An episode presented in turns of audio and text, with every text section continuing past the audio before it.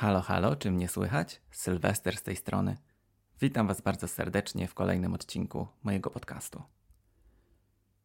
Już Wam kiedyś wspominałem, że zanim wkręciłem się w podróżowanie, mm, byłem totalną nogą z geografii i w ogóle nie orientowałem się, co gdzie jest, ani jak tam jest, jaka kultura, jakie wyznanie itd. Tak e, więc oczywiście, kiedy słyszałem na przykład, że jacyś znajomi jadą na wakacje na przykład do Wietnamu, no to w mojej głowie ten Wietnam kojarzył się tylko z dwiema rzeczami.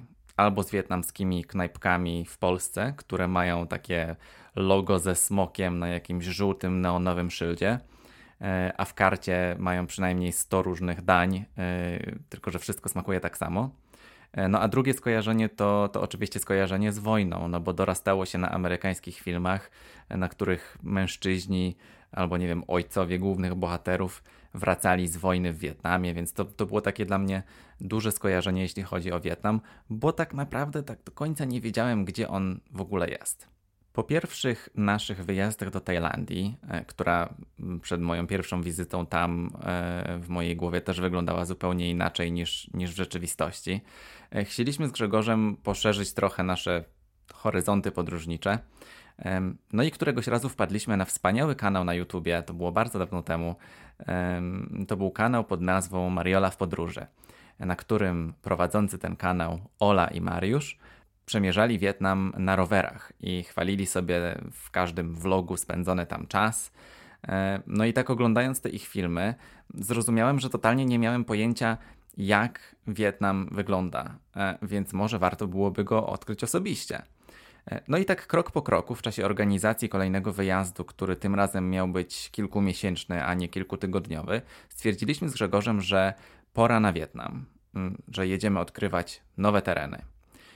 I teraz tak dla tych, którzy tak jak ja przed tym, jak zainteresowałem się Wietnamem, nie wiedzą, gdzie jest Wietnam, e, to jest to kraj, który na mapie jest taki no, wąski i bardzo długi e, w swoim kształcie. E, od wschodu mamy Morze Południowochińskie, na północy mamy granicę z Chinami, a na zachodzie przez większość długości granicy w stronę południa najpierw mamy granicę z Laosem, a później z Kambodżą.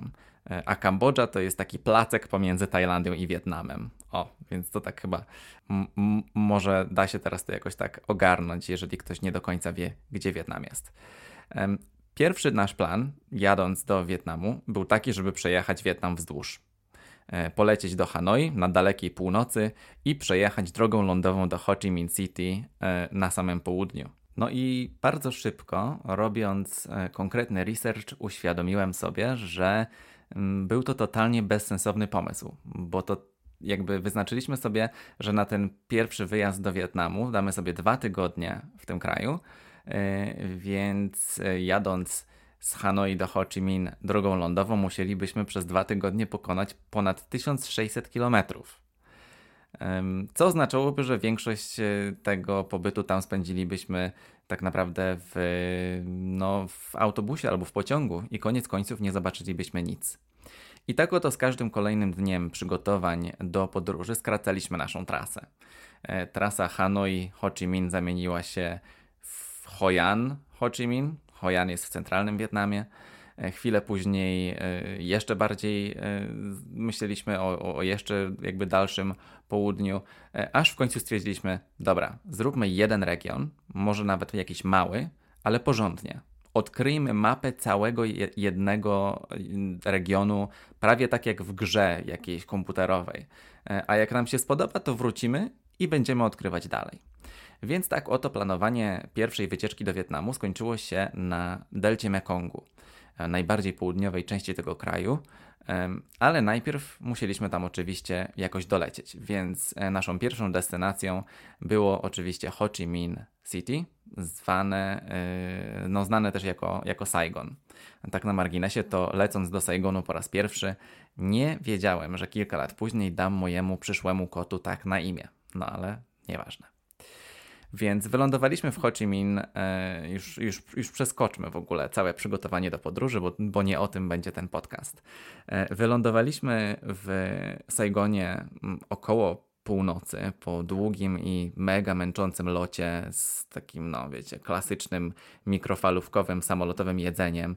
Byliśmy styrani jak konie po westernie, e, no ale dotarliśmy wreszcie do naszego hotelu. To było w, w ogóle w dzielnicy tam nie aż tak daleko lotniska.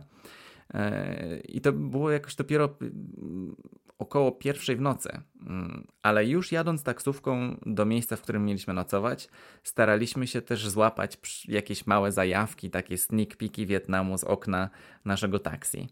E, I słuchajcie, byliśmy w szoku, widząc, że na ulicach dalej, ok, może nie było za dużo ludzi, mm, praktycznie no, wcale nie było ludzi tak o na ulicach, ale co kilka uliczek było widać jakieś miejsce, które było otwarte i to były jakieś knajpki, puby, kawiarnie i siedzieli w nich ludzie. Y, I to, no tak jak mówię, to były jakieś takie okolice na końcu miasta, y, więc, więc to było takie duże zaskoczenie od razu. Ale stwierdziliśmy, że no fajnie, fajnie, to zapowiada się dobrze. No i jak tylko dotarliśmy do hotelu, zostawiliśmy nasze rzeczy w, y, w pokoju i głodni jak wilki stwierdziliśmy, że przed pójściem spać musimy iść coś zjeść. E, no i tam pan recepcjonista w hotelu wytłumaczył nam, że obok jest knajpka i że może wysłać po prostu kogoś, e, żeby przyniósł nam mm, jedzenie do pokoju. No ale stwierdziliśmy, że skoro ta knajpka i tak jest zaraz obok, to sami sobie pójdziemy na zwiady i od razu doświadczymy jakiegoś takiego wietnamskiego e, jedzenia z pierwszej ręki i nawet nie tylko jedzenia, tylko samego pójścia właśnie do takiego, do takiej jadłodajni. No i tak oto trafiliśmy do miejsca, w którym było może sześć czteroosobowych mm, takich metalowych stolików. E, knajpka funkcjonowała z czegoś, co wyglądało jak czyjś garaż, a za telewizorem emitującym relacje z jakiegoś meczu, który tam oglądali palące papierosy Wietnamczycy, e, stał wózek z butlą gazową i z zupą w takim wielkim garze, właściwie to był kocioł, e, bo to, bo to nawet nie jest garnek, i pachniało już przed samą tą knajpą, tak bardzo. Ja jeszcze nie wiedziałem, co to jest za zapach, taki bardzo orientalny, ale w taki zupełnie nowy dla nas sposób. E, no i do tego też zauważyliśmy, że większość klientów siedziała e, już przy pustych miskach. A na tablicy przed tym e, kramem były dwa słowa: fo, bo. E, od razu tutaj mówię, że ja zdaję sobie sprawę z tego, że fo się wymawia zupełnie inaczej po wietnamsku, ale ja nie jestem Wietnamczykiem, więc będę mówił jak e, prawdziwy Polak, fo i tyle. E, więc tak, nasze pierwsze fo, zupa, która po obejrzeniu miliona vlogów już wtedy z Wietnamu na YouTubie, e, była w mojej głowie wręcz legendarna. E, więc od razu zapytaliśmy pana sprzedawcę, how much? E, on pokazał, że 30. Mm, co oznaczało 30 tysięcy wietnamskich dongów, czyli około um, równowartość 6 zł. E, poprosiliśmy o dwie miski i usiedliśmy przy jednym z wolnych stołów. Słuchajcie, co to była za zupa? Byłem po długim locie, zmęczony, brudny, nie wiedziałem, która jest godzina, bo byłem, już miałem jetlaga. Wiecie, jak to jest po takiej podróży. A mimo wszystko ta zupa to była jakaś po prostu zupa mojego życia. Ekstaza, słuchajcie. Mm, a to wcale nie była jakaś wykwintna restauracja w centrum miasta, tylko zwykła jadłodajnia na obrzeżach, na jakiejś dzielnicy, w której nie było w ogóle turystów, a w naszym hotelu jeszcze nie widzieliśmy nikogo innego poza recepcjonistą. E, a w tej zupie było czuć wszystko. Anyż, cynamon, kolendrę, mięso było, to była zupa z wołowiną, bo fo bo, bo to jest wołowina albo oznacza, że to jest zupa z wołowiną. E, tak jak mówię, nie, nie, nie mówię po wietnamsku. Zupa była podana z nudlami ryżowymi, a do tego jeszcze e, sprzedający pan Wietnamczyk doniósł nam e, szybko do naszych misek z zupą też koszyk pełen ziół świeżych. E, świeżej mięty, bazylii tajskiej, kolendry i jeszcze innych e, różnych ziół, których ja nawet nie kojarzyłem wtedy i, i dalej ich nie znam do dzisiaj, bo widziałem je tylko tam właśnie w Azji. E, na stole w, tym, w tej jadłodajni był też koszyk z przyprawami i te przyprawy to były w jednym słoiczku płatki papryczek chili, był też ocet z czosnkiem, olej z chili, sos rybny i cukier, więc każdy mógł sobie doprawić swoją zupę według własnego smaku. E, ale dla mnie, takiego nowicjusza e, zupy fo w tamtym momencie, e, taka jaka została podana, była idealna. I to właśnie ta miska zupy fo i fakt, że mogłem ją kupić i zjeść o pierwszej w nocy sprawiły, że słuchajcie, zakochałem się w Wietnamie już w trochę ponad godzinę po wylądowaniu w tym kraju po raz pierwszy. W tamtym okresie jedynym krajem w tym regionie świata, w którym byłem wcześniej, e, była oczywiście Tajlandia, więc naturalnie do Tajlandii porównywałem wszystko to, czego doświadczałem w Wietnamie. Pierwszym porównaniem było oczywiście jedzenie, które dla mnie i Grzegorza zawsze jest jednym z najważniejszych aspektów jakiejkolwiek podróży. Bardzo podobało nam się to, że tak jak w Tajlandii, w Wietnamie też kuchnia była bardzo ważną częścią życia i kultury. E, w całym kraju, a smaki były bardzo bogate i różnorodne. E, no bo przecież też nie samą zupą pho Wietnam stoi, e, ale jest ona takim równoważnikiem pad thai'a tajskiego, mam wrażenie. Mimo, że to są zupełnie inne dania, to tak jak myśląc o Tajlandii, ludzie myślą i mówią pad thai, tak myśląc o Wietnamie, zawsze do głowy przychodzi zupa pho. Więc porównując te dwa kraje na takiej płaszczyźnie kuchni, i smaków, to z jednej strony mamy to podobieństwo tego, jak dużą uwagę skupia się w tym kraju na jedzeniu, e, a z drugiej jest to zupełnie inne jedzenie, inna gama smaków, inne typy dań, e, więc jest co eksplorować. Jeżeli, jeżeli ktoś lubi azjatyckie jedzenie i, e, i już na przykład miał okazję poznać mm, kuchnię w Tajlandii i ma ochotę poszerzyć jeszcze bardziej ten horyzont właśnie w tamtą stronę. Więc każdego dnia w Wietnamie poznawaliśmy totalnie nowe smaki przez pierwszych kilka tygodni, właściwie no, przez całe te dwa tygodnie, które tam na początku spędziliśmy. E, to były na przykład bańkłony, czyli najdelikatniejsze naleśniki z ryżowej mąki, jakie kiedykolwiek jadłem. W środku w ogóle z, taką mięciutką wieprzowiną, posypane prażoną cepulką. E, inne danie to było ban seo, czyli również naleśniki z mąki ryżowej, ale tym razem smażone, chrupiące. Nawet dowiedziałem się, że SEO, e, pis pisane przez X, XEO, oznacza ten dźwięk, który robi naleśnik, jak się smaży na głębokim oleju. Po angielsku to byłoby sizzle, e, może skwierczenie po polsku. E, więc y, to są takie też właśnie naleśniki z mąki ryżowej, smażone, chrupiące, nadziewane, w sensie nie nadziewane, tylko w środku mają zazwyczaj krewetki albo golonkę, cebulę, kiełki fasoli mung e, i podobnie tak jak zupa pho są podawane w, e, z koszykiem świeżych wietnamskich ziół. Kolejne danie to było banh mi, czyli w takie ala francuskie bagietki, często z pasztetem, kolendrą, pasztetem. No wiecie o co mi chodzi. To nie jest taki pasztet jak tutaj w Polsce, nie wiem, e, pasztet z puszki, a, ani nawet też nie taki pasztet jak e, robi babcia w święta, e, tylko taki no wietnamski, trochę inny pasztet. Więc te bagietki były właśnie z tym, z kolendrą, z ogórkiem, czasami z klopsikami wieprzowymi, takimi długo gotowanymi na, na małym ogniu i z sosem chili. A na śniadanie jadło się też bardzo często ban mi opla, czyli taką chrupiącą, świeżą bagietkę w środku z rozpływającym się jajkiem sadzonym. E, I to żółtko przy każdym ugryzieniu rozlewało się normalnie po całych rękach. E, takie bagietki bardzo często po przygotowaniu podawane były klientom zawinięte w, na przykład w kserówkę szkolną z zadaniami z matematyki, e, czasem rozwiązaną, czasem nie, albo po prostu w lokalną gazetę.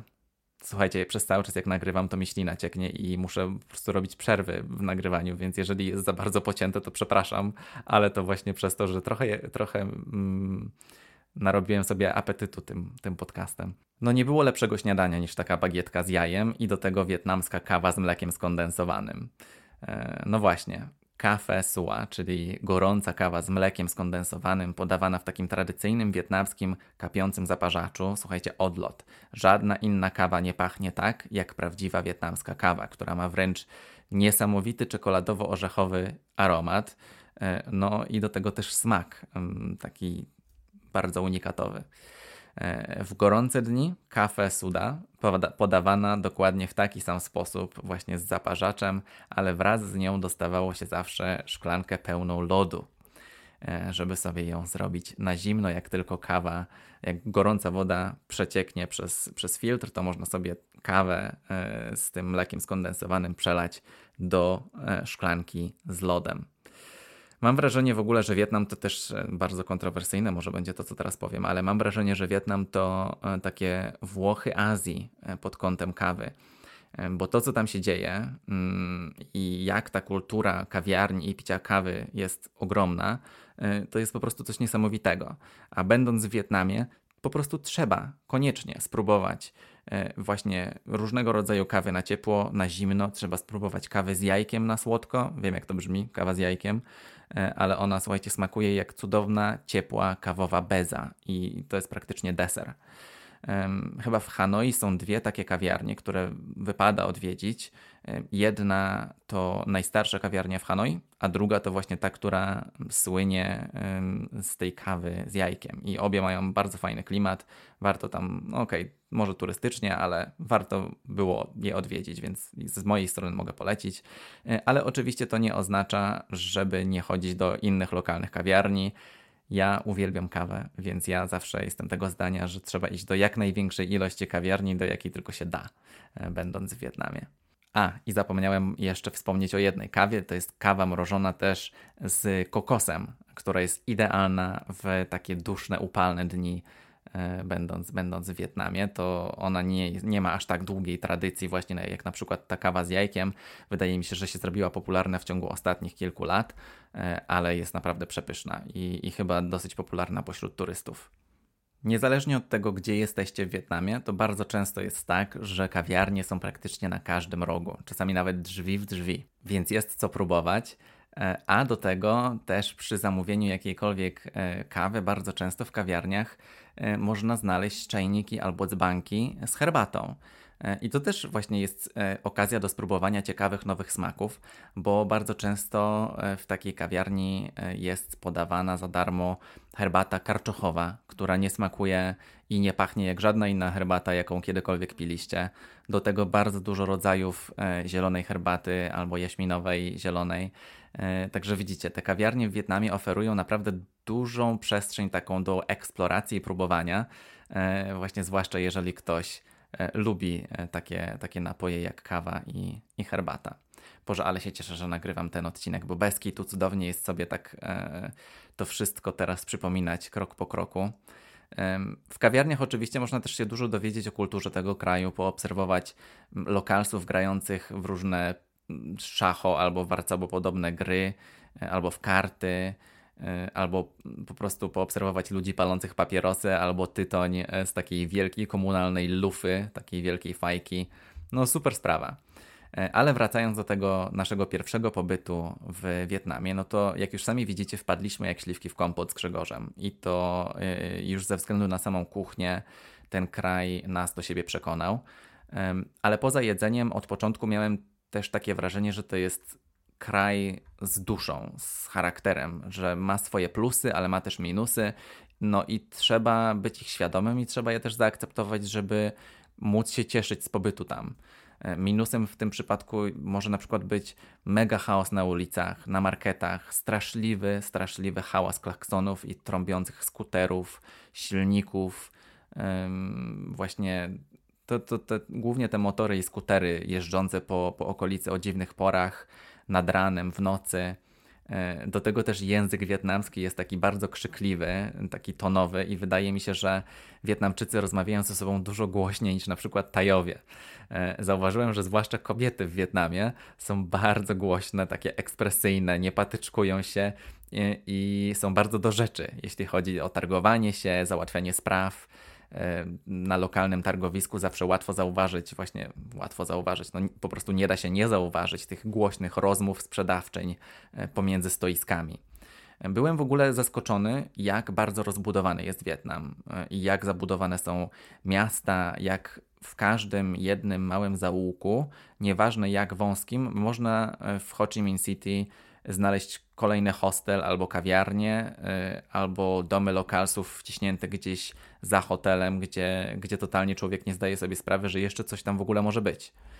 E, czasami jest tak, że widzi się jakiś korytarz i jest napisane, że jest kawiarnia i przechodzi się przez taką, taką starą jakąś obleśną klatkę schodową, idzie się jakimiś schodami do góry, później się skręca, później jest, są jeszcze jakieś kolejne drzwi, dzwoni się w dzwonek i tam dopiero ktoś cię wpuszcza i nagle jesteś w kawiarni, w której nie ma w ogóle okien, ale jest super atmosfera e, i pyszna kawa, więc e, wiecie, no właśnie tego typu rzeczy, to jest, to jest część tej magii na mapie, jak patrzyłem na Wietnam, e, tak jak też wcześniej Wam tłumaczyłem, na mapie on wygląda na taki bardzo wąski i długi, i człowiek sobie, a przynajmniej ja, sobie nie zdawałem sprawy z tego, jak on jest ogromny, jaki to jest ogromny kraj. Za każdym razem, kiedy jechaliśmy do kolejnego miasta e, i mi się wydawało, że to będzie małe, małe miasteczko, to byliśmy w szoku, bo się okazywało, że to jest duże miasto w ogóle, że jest rozbudowana infrastruktura, że jest masa ludzi e, i to też jest powód, dla którego wszędzie łatwo było znaleźć lokalne miejsce do jedzenia, tanie hotele, też niekoniecznie turystyczne, tylko na przykład skierowane do lokalsów. Łatwo było e, ogarnąć transport, bo autobusy w różne miejsca czy minivany odjeżdżały zewsząd, wszędzie praktycznie co godzinę. E, więc, więc naprawdę pod tym kątem jest, jest super, super łatwo. E, a dzięki temu, że Wietnamczycy posługują się takim alfabetem jak my, mm, tam z kilkoma dodatkowymi literami, to o wiele łatwiej było się zorientować na przykład na dworcu, czy właśnie w restauracjach. E, dużo łatwiej było się zorientować niż na przykład w Tajlandii, jeśli chodzi o takie rzeczy, no bo w Tajlandii mamy tajski alfabet, wiecie, jak się, no ciężko to przeczytać, jak się nie zna a, a jednak w Wietnamie super było to, że można było pójść do restauracji i od razu w menu wiedzieć, co, co można zamówić. I, i, I, bardzo często dało się też to powiedzieć, i, e, i, i to było super.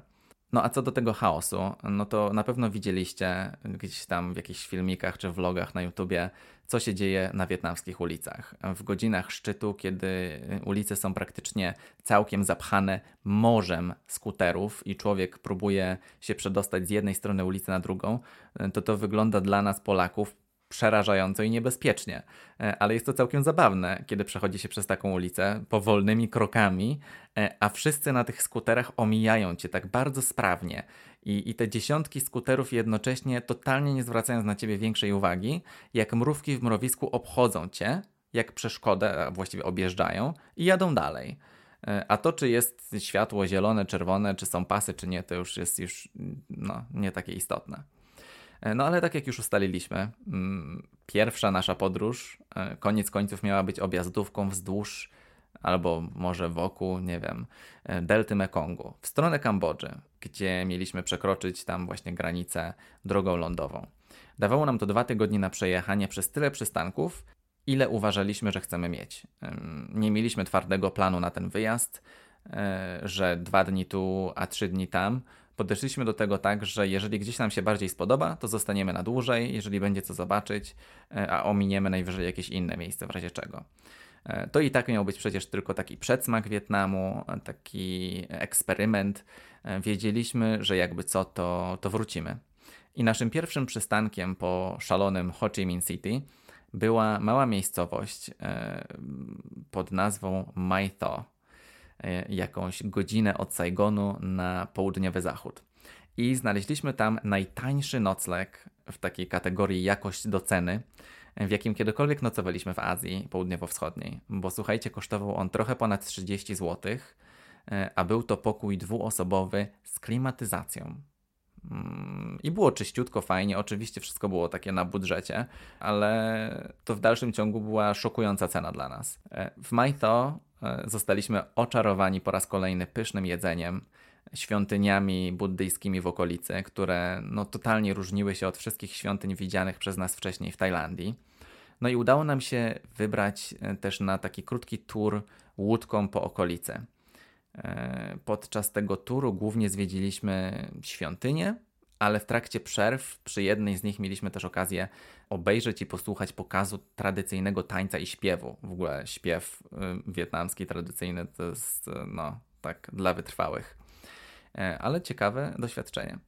E, mieliśmy wtedy też okazję spróbować lokalnego miodu.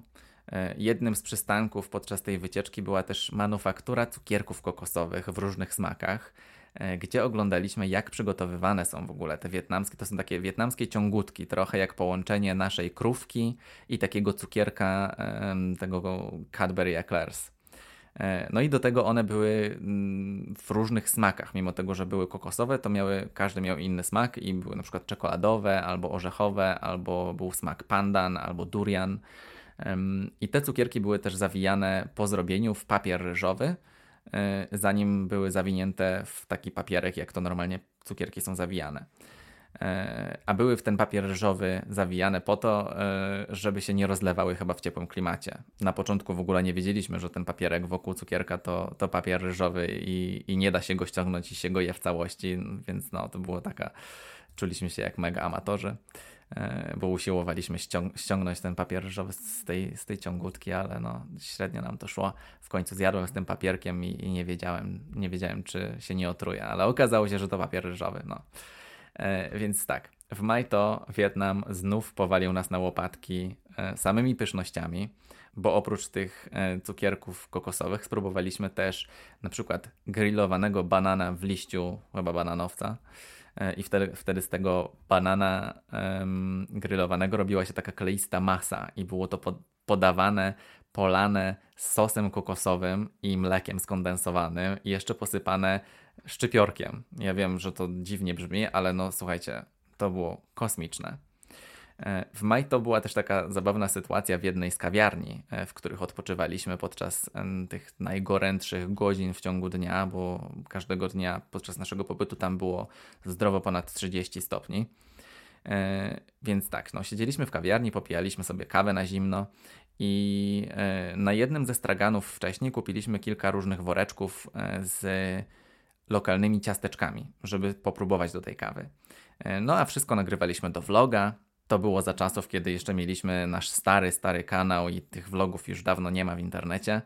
E, I no, właściciel, tudzież pracownik tej, tej kawiarni, który siedział tak z boku e, przy, przy takim dużym mm, stole przykrytym jakąś ceratą, Coś tam sobie dłubał, no ale zainteresował się nami, widząc, że coś tam nagrywamy i gadamy do kamery i zaczął z nami rozmawiać. Taki młody chłopak, młodszy od nas, nie mówił w ogóle ani słowa po angielsku, więc on do nas mówił po wietnamsku, my do niego po angielsku, no a momentami to już stwierdziliśmy, że dobra, już zaczęliśmy mówić do niego po polsku, bo totalnie nie robiło to żadnej różnicy, yy, po jakiemu rozmawiamy. Ale tak się nami zainteresował, że nie chciał nas zostawić, aż nie wypiliśmy kawy do końca i nie zaczęliśmy się zbierać. E, I na koniec e, tego e, uroczego spotkania podszedł w ogóle do tego stołu, przy którym wcześniej siedział i przeniósł z niego jakiś przedmiot. I słuchajcie, zaczął nam coś tam mówić po wietnamsku, po czym wręczył nam prezent. I słuchajcie, to była porcelanowa popielniczka w kształcie żółtej kaczuszki, takiej jak są gumowe do kąpieli. No, bardzo nietypowy prezent. No ale widzicie, Wietnamczycy od samego początku na każdym kroku pokazywali nam, jacy są otwarci dla turystów i jak chętnie się z nami socjalizowali, e, wbrew barierom językowym czy kulturowym.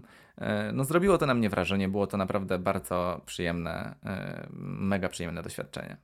Więc po kilku naprawdę, naprawdę fajnych dniach w Majto przyszła pora na, na kolejne miejsce.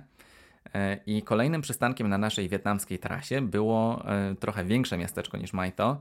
Nazywało się Kanto, które okazało się znowu miastem większym niż się spodziewaliśmy. E, I tam głównie eksplorowaliśmy świątynie, nocne markety z jedzeniem, ale było to też miasto, w którym dostaliśmy dobrą mm, nauczkę od losu. A zaczęło się od tego, że po dniu zwiedzania właśnie miasta wylądowaliśmy w restauracji na jedzeniu. I ja nie wiem w ogóle, jak to się stało, że my wybraliśmy to miejsce do jedzenia, bo nie było tam w ogóle ludzi. To nie była właśnie taka knajpa, właśnie tak jak w czyimś garażu czy coś, gdzie było zawsze, e, było widać, że no jedzenie schodzi i tak dalej, i tak dalej. Tylko jakoś tak stwierdziliśmy, że wejdziemy do knajpy, takiej, takiej bardziej restauracji. No i znaleźliśmy coś, co wyglądało spoko. Weszliśmy do środka, zamówiliśmy jedzenie i byliśmy przede wszystkim zawiedzeni jakością jedzenia i, i, jakby smakiem też. Mm, spróbowaliśmy jakichś nowych potraw i totalnie nam one nie podeszły, no ale jakby zje, dało się zjeść, więc, więc jedliśmy to, co trzeba było tam, żeby nie być głodnym. No i stwierdziliśmy, dobra, zjedliśmy pierwsze nasze takie średnie doświadczenie z jedzeniem, wracamy do hotelu. No i co? Mm, chyba podczas każdej podróży mamy z Grzegorzem taką jedną akcję, że totalnie któregoś e, z nas e, zbija z nóg jakieś właśnie jakaś choroba, jakieś przeziębienie, jakieś zatrucie, coś w tym stylu. No i słuchajcie, po tamtej kolacji w tej restauracji, no nigdy, jakby już, już wracając do hotelu, czułem się nieswojo ale myślałem, że dobra, niestrawność, może mi przejdzie, wypiję się, napiję się jakiejś gorącej herbaty, może będzie jakaś mała rewolucja, no trudno, zdarza się. Ale słuchajcie, jak się później okazało, nigdy w życiu się już później tak nie zatrułem, jak po tamtej kolacji. E, tak jak wam mówię, ja nawet nie pamiętam, co myśmy tam jedli. Pamiętam tylko, że nie było jakieś paskudne i nie było czuć, że jest zepsute, tylko było takie bardzo średnie. Po powrocie do hotelu położyłem się na łóżku i, i nie byłem w stanie się ruszać. Tak mnie rozbolał brzuch i poczułem takie. Mm, tak niekomfortowo we własnej skórze się czułem, że, że nieruchomo leżałem na łóżku z, z otwartymi oczami i, i tylko wiedziałem, że coś, coś jest bardzo nie tak. E, no. A co się działo później, to możecie sobie już tylko wyobrazić, bo nie będę o tym mówił w podcaście. E, ale mogę tylko powiedzieć, że Grzegorz to był jedyny raz, kiedy Grzegorz był wręcz na telefonie z naszym ubezpieczycielem podróżnym, mm, bo, bo zastanawialiśmy się, czy nie wyląduje w szpitalu. Także widzicie, Kanto średnio nam się kojarzy i, i, i mieliśmy w ogóle kolejnego dnia popłynąć na tour, znowu taki jak wcześniej po kanałach w dolinie rzeki Mekong. E, no ale ja praktycznie cały dzień przeleżałem obolały po, po poprzedniej nocy, więc, więc po tym słabym doświadczeniu nie mogliśmy się doczekać, żeby zmienić lokację, e, więc bardzo szybko ewakuowaliśmy się z Kanto. To był też moment, w którym stwierdziliśmy z Grzegorzem, że nie chcemy jechać do kolejnego miasta, że każda kolejna miejscowość do tej pory, e, nawet gdy myśleliśmy, że to będzie małe miasteczko, okazywała się jakąś, e, no, no po prostu takim bardziej miastem, nie? E, więc stwierdziliśmy, że pora zobaczyć, jak wygląda wietnamska wieś. I tak oto e, wzięliśmy z Kanto, e, chyba, to był chyba minivan, i pojechaliśmy do małej wsi, która nazywała się Kaibe. I znaleźliśmy tam uroczy nocleg, w ogóle pośrodku niczego, w takim guest house, który chyba nie miał nawet więcej niż 4 czy 5 pokoi. E, ale było czyściutko, bardzo przyjaźnie, e, a do tego w ogóle ze śniadaniem przygotowywanym przez właścicieli w tym gospodarstwie. Tam był trochę taki klimat e, jak w takim typowym, fajnym Airbnb, mm, czy w jakiejś takiej agroturystyce, gdzie można właśnie znaleźć, jakie można właśnie znaleźć na przykład we Włoszech czy w Portugalii, w jakichś takich mniej turystycznych regionach, gdzie ludzie jeżdżą głównie po to, żeby odpocząć, a nie żeby się bawić. No i właśnie do, w takim miejscu wylądowaliśmy tam na tej wsi. To było w ogóle poza jakby głównym centrum tej wsi. Cudem w ogóle tam udało nam się odnaleźć to miejsce. I to tylko dlatego, że, y, że nas mm, przypadkowo spotkany Wietnamczyk po drodze tam odwiózł swoim, e, swoim takim pojazdem, sku, a, skuterem. To był skuter. E, no, więc w tej, w tej agroturystyce na śniadanie dostawaliśmy przepyszne owoce, ban mi opla, czyli te świeże bagietki z jajkiem, o których wcześniej wspominałem, e, i jakieś tam inne smakołyki. A do tego oczywiście była też kawa wietnamska, mrożona, wspaniale. Przybytek sam w sobie też oferował darmowe rowery dla gości, więc dzięki temu mogliśmy przez kilka dni poeksplorować z Grzegorzem wietnamską wieś samemu, mając własny E, własny sposób na transport, więc spędziliśmy chyba dwa czy trzy dni jeżdżąc po tych małych e, właśnie kanałach delty Mekongu. Oglądaliśmy po raz pierwszy na własne oczy takie prawdziwe życie e, Wietnamczyków na, na prowincji w tym kraju. I ludzie, słuchajcie, byli mega gościnni, uśmiechnięci. Mieliśmy wielokrotnie okazję zobaczyć jakieś ciekawe miejsca, w których na przykład produkowano jakieś bambusowe miski, albo miejsca, gdzie procesowano ryż, E, albo gdzie suszono na słońcu jakieś takie w ogóle horrendalne, ogromne ilości papryczek chili. E, widzieliśmy przy jednym gospodarstwie też suszone na słońcu wafle ryżowe. Także no po prostu to było niesamowite doświadczenie, totalnie inne od poprzednich doświadczeń i z podróży po Tajlandii, i z tego wszystkiego, co do tej pory widzieliśmy w Wietnamie. Gdzieś przy mm, takiej polnej drodze spotkaliśmy też pana ze skuterem i z przyczepionym do e, tego skutera wózkiem, na którym przygotowywany był świeżo wyciskany sok z trzciny cukrowej. E, I słuchajcie, totalnie obaj się z Grzegorzem zakochaliśmy w tym soku. Piliśmy go pierwszy raz w życiu i normalnie szczena opada, e, zwłaszcza kiedy podawany jest na przykład z limonką i to też taki właśnie wyciskany na świeżo sok z trzciny cukrowej w kubku pełnym lodu e, w takie gorące dni, gdy wiele godzin spędza się jeżdżąc rowerem po okolicy, no słuchajcie, nie ma nic lepszego. Poza kapą mrożoną oczywiście. Ale całe to doświadczenie w KIB, eksplorowanie okolicy na rowerach, dało nam dużo do myślenia, że rzeczywiście podróż rowerem to no, zupełnie inna bajka. E, ja bardzo często miałem takie wrażenie, jeżdżąc autobusami po kilka godzin z jednego miasta gdzieś w Tajlandii e, do drugiego, czy właśnie w Wietnamie, że tak dużo ciekawych miejsc można mm, z okna autobusu zobaczyć, ale przejeżdża się przez nie bardzo szybko i przez to zawsze wydawało mi się, że coś tracę, że coś mi umyka. A, a przy takim eksplorowaniu rowerem można się dosłownie wszędzie zatrzymać, chociażby na chwilę, wejść do jakiejś świątyni pośrodku niczego, albo zatrzymać się na lokalnym targowisku i przy okazji być tam gwiazdą, bo co tutaj turyści w ogóle robią na końcu świata. E, podróżowanie rowerem wydawało nam się takim zupełnie innym poziomem podróżowania. E, I po tych kilku dniach w KIB jakiś zalążek tego pomysłu pozostał z nami. Podczas tego wyjazdu e, po drodze zahaczyliśmy jeszcze o kilka innych miejsc, e, ale ten podcast trwałby chyba kilka godzin, gdybym miał o wszystkim opowiadać. E, zwłaszcza, że teraz jak sobie o tym myślę, to, to o wszystkim warto by było opowiedzieć.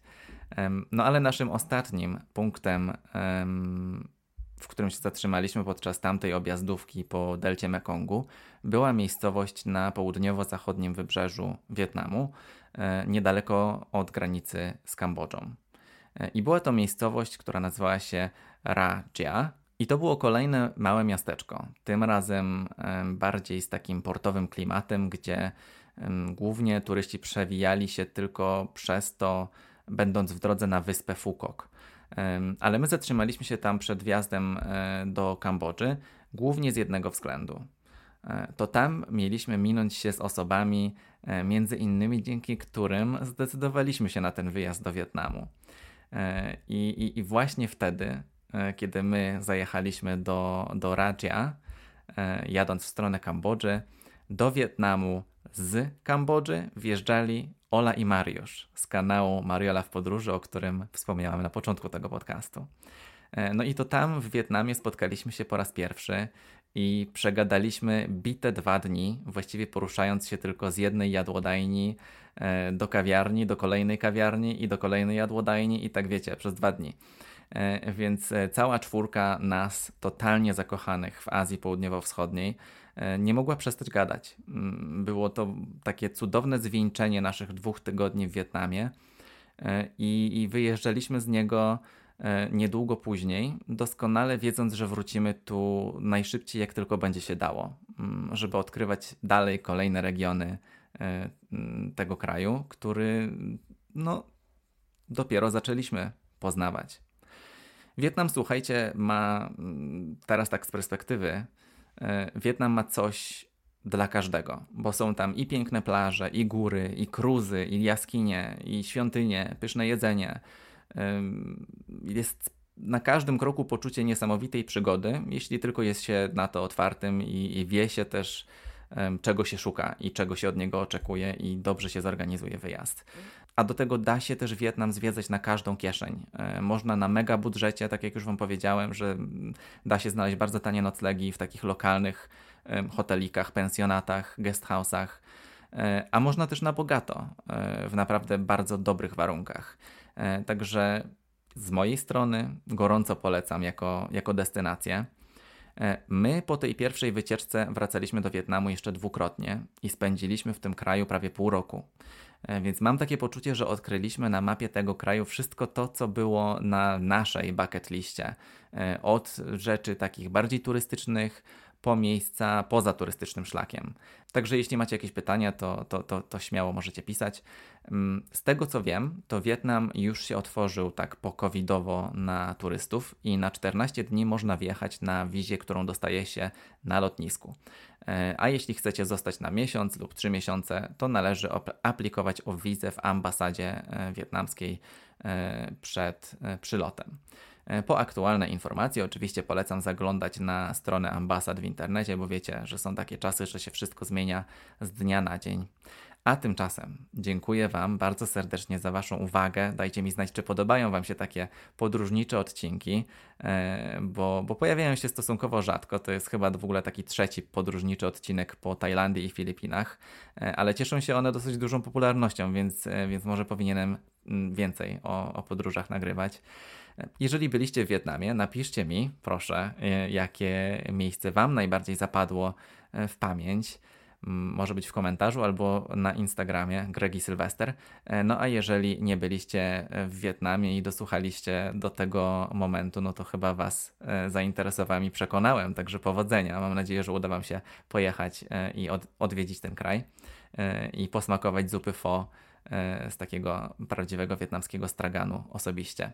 Jak zwykle będzie mi bardzo miło, jeżeli zostawicie kciuka w górę pod tym filmem na YouTubie, no bo wiecie, że algorytmy nie wspierają za bardzo małych kanałów. E, a ja pozdrawiam Was bardzo serdecznie mm, z jesiennej, mokrej wali e, i do usłyszenia w kolejnym odcinku. Trzymajcie się.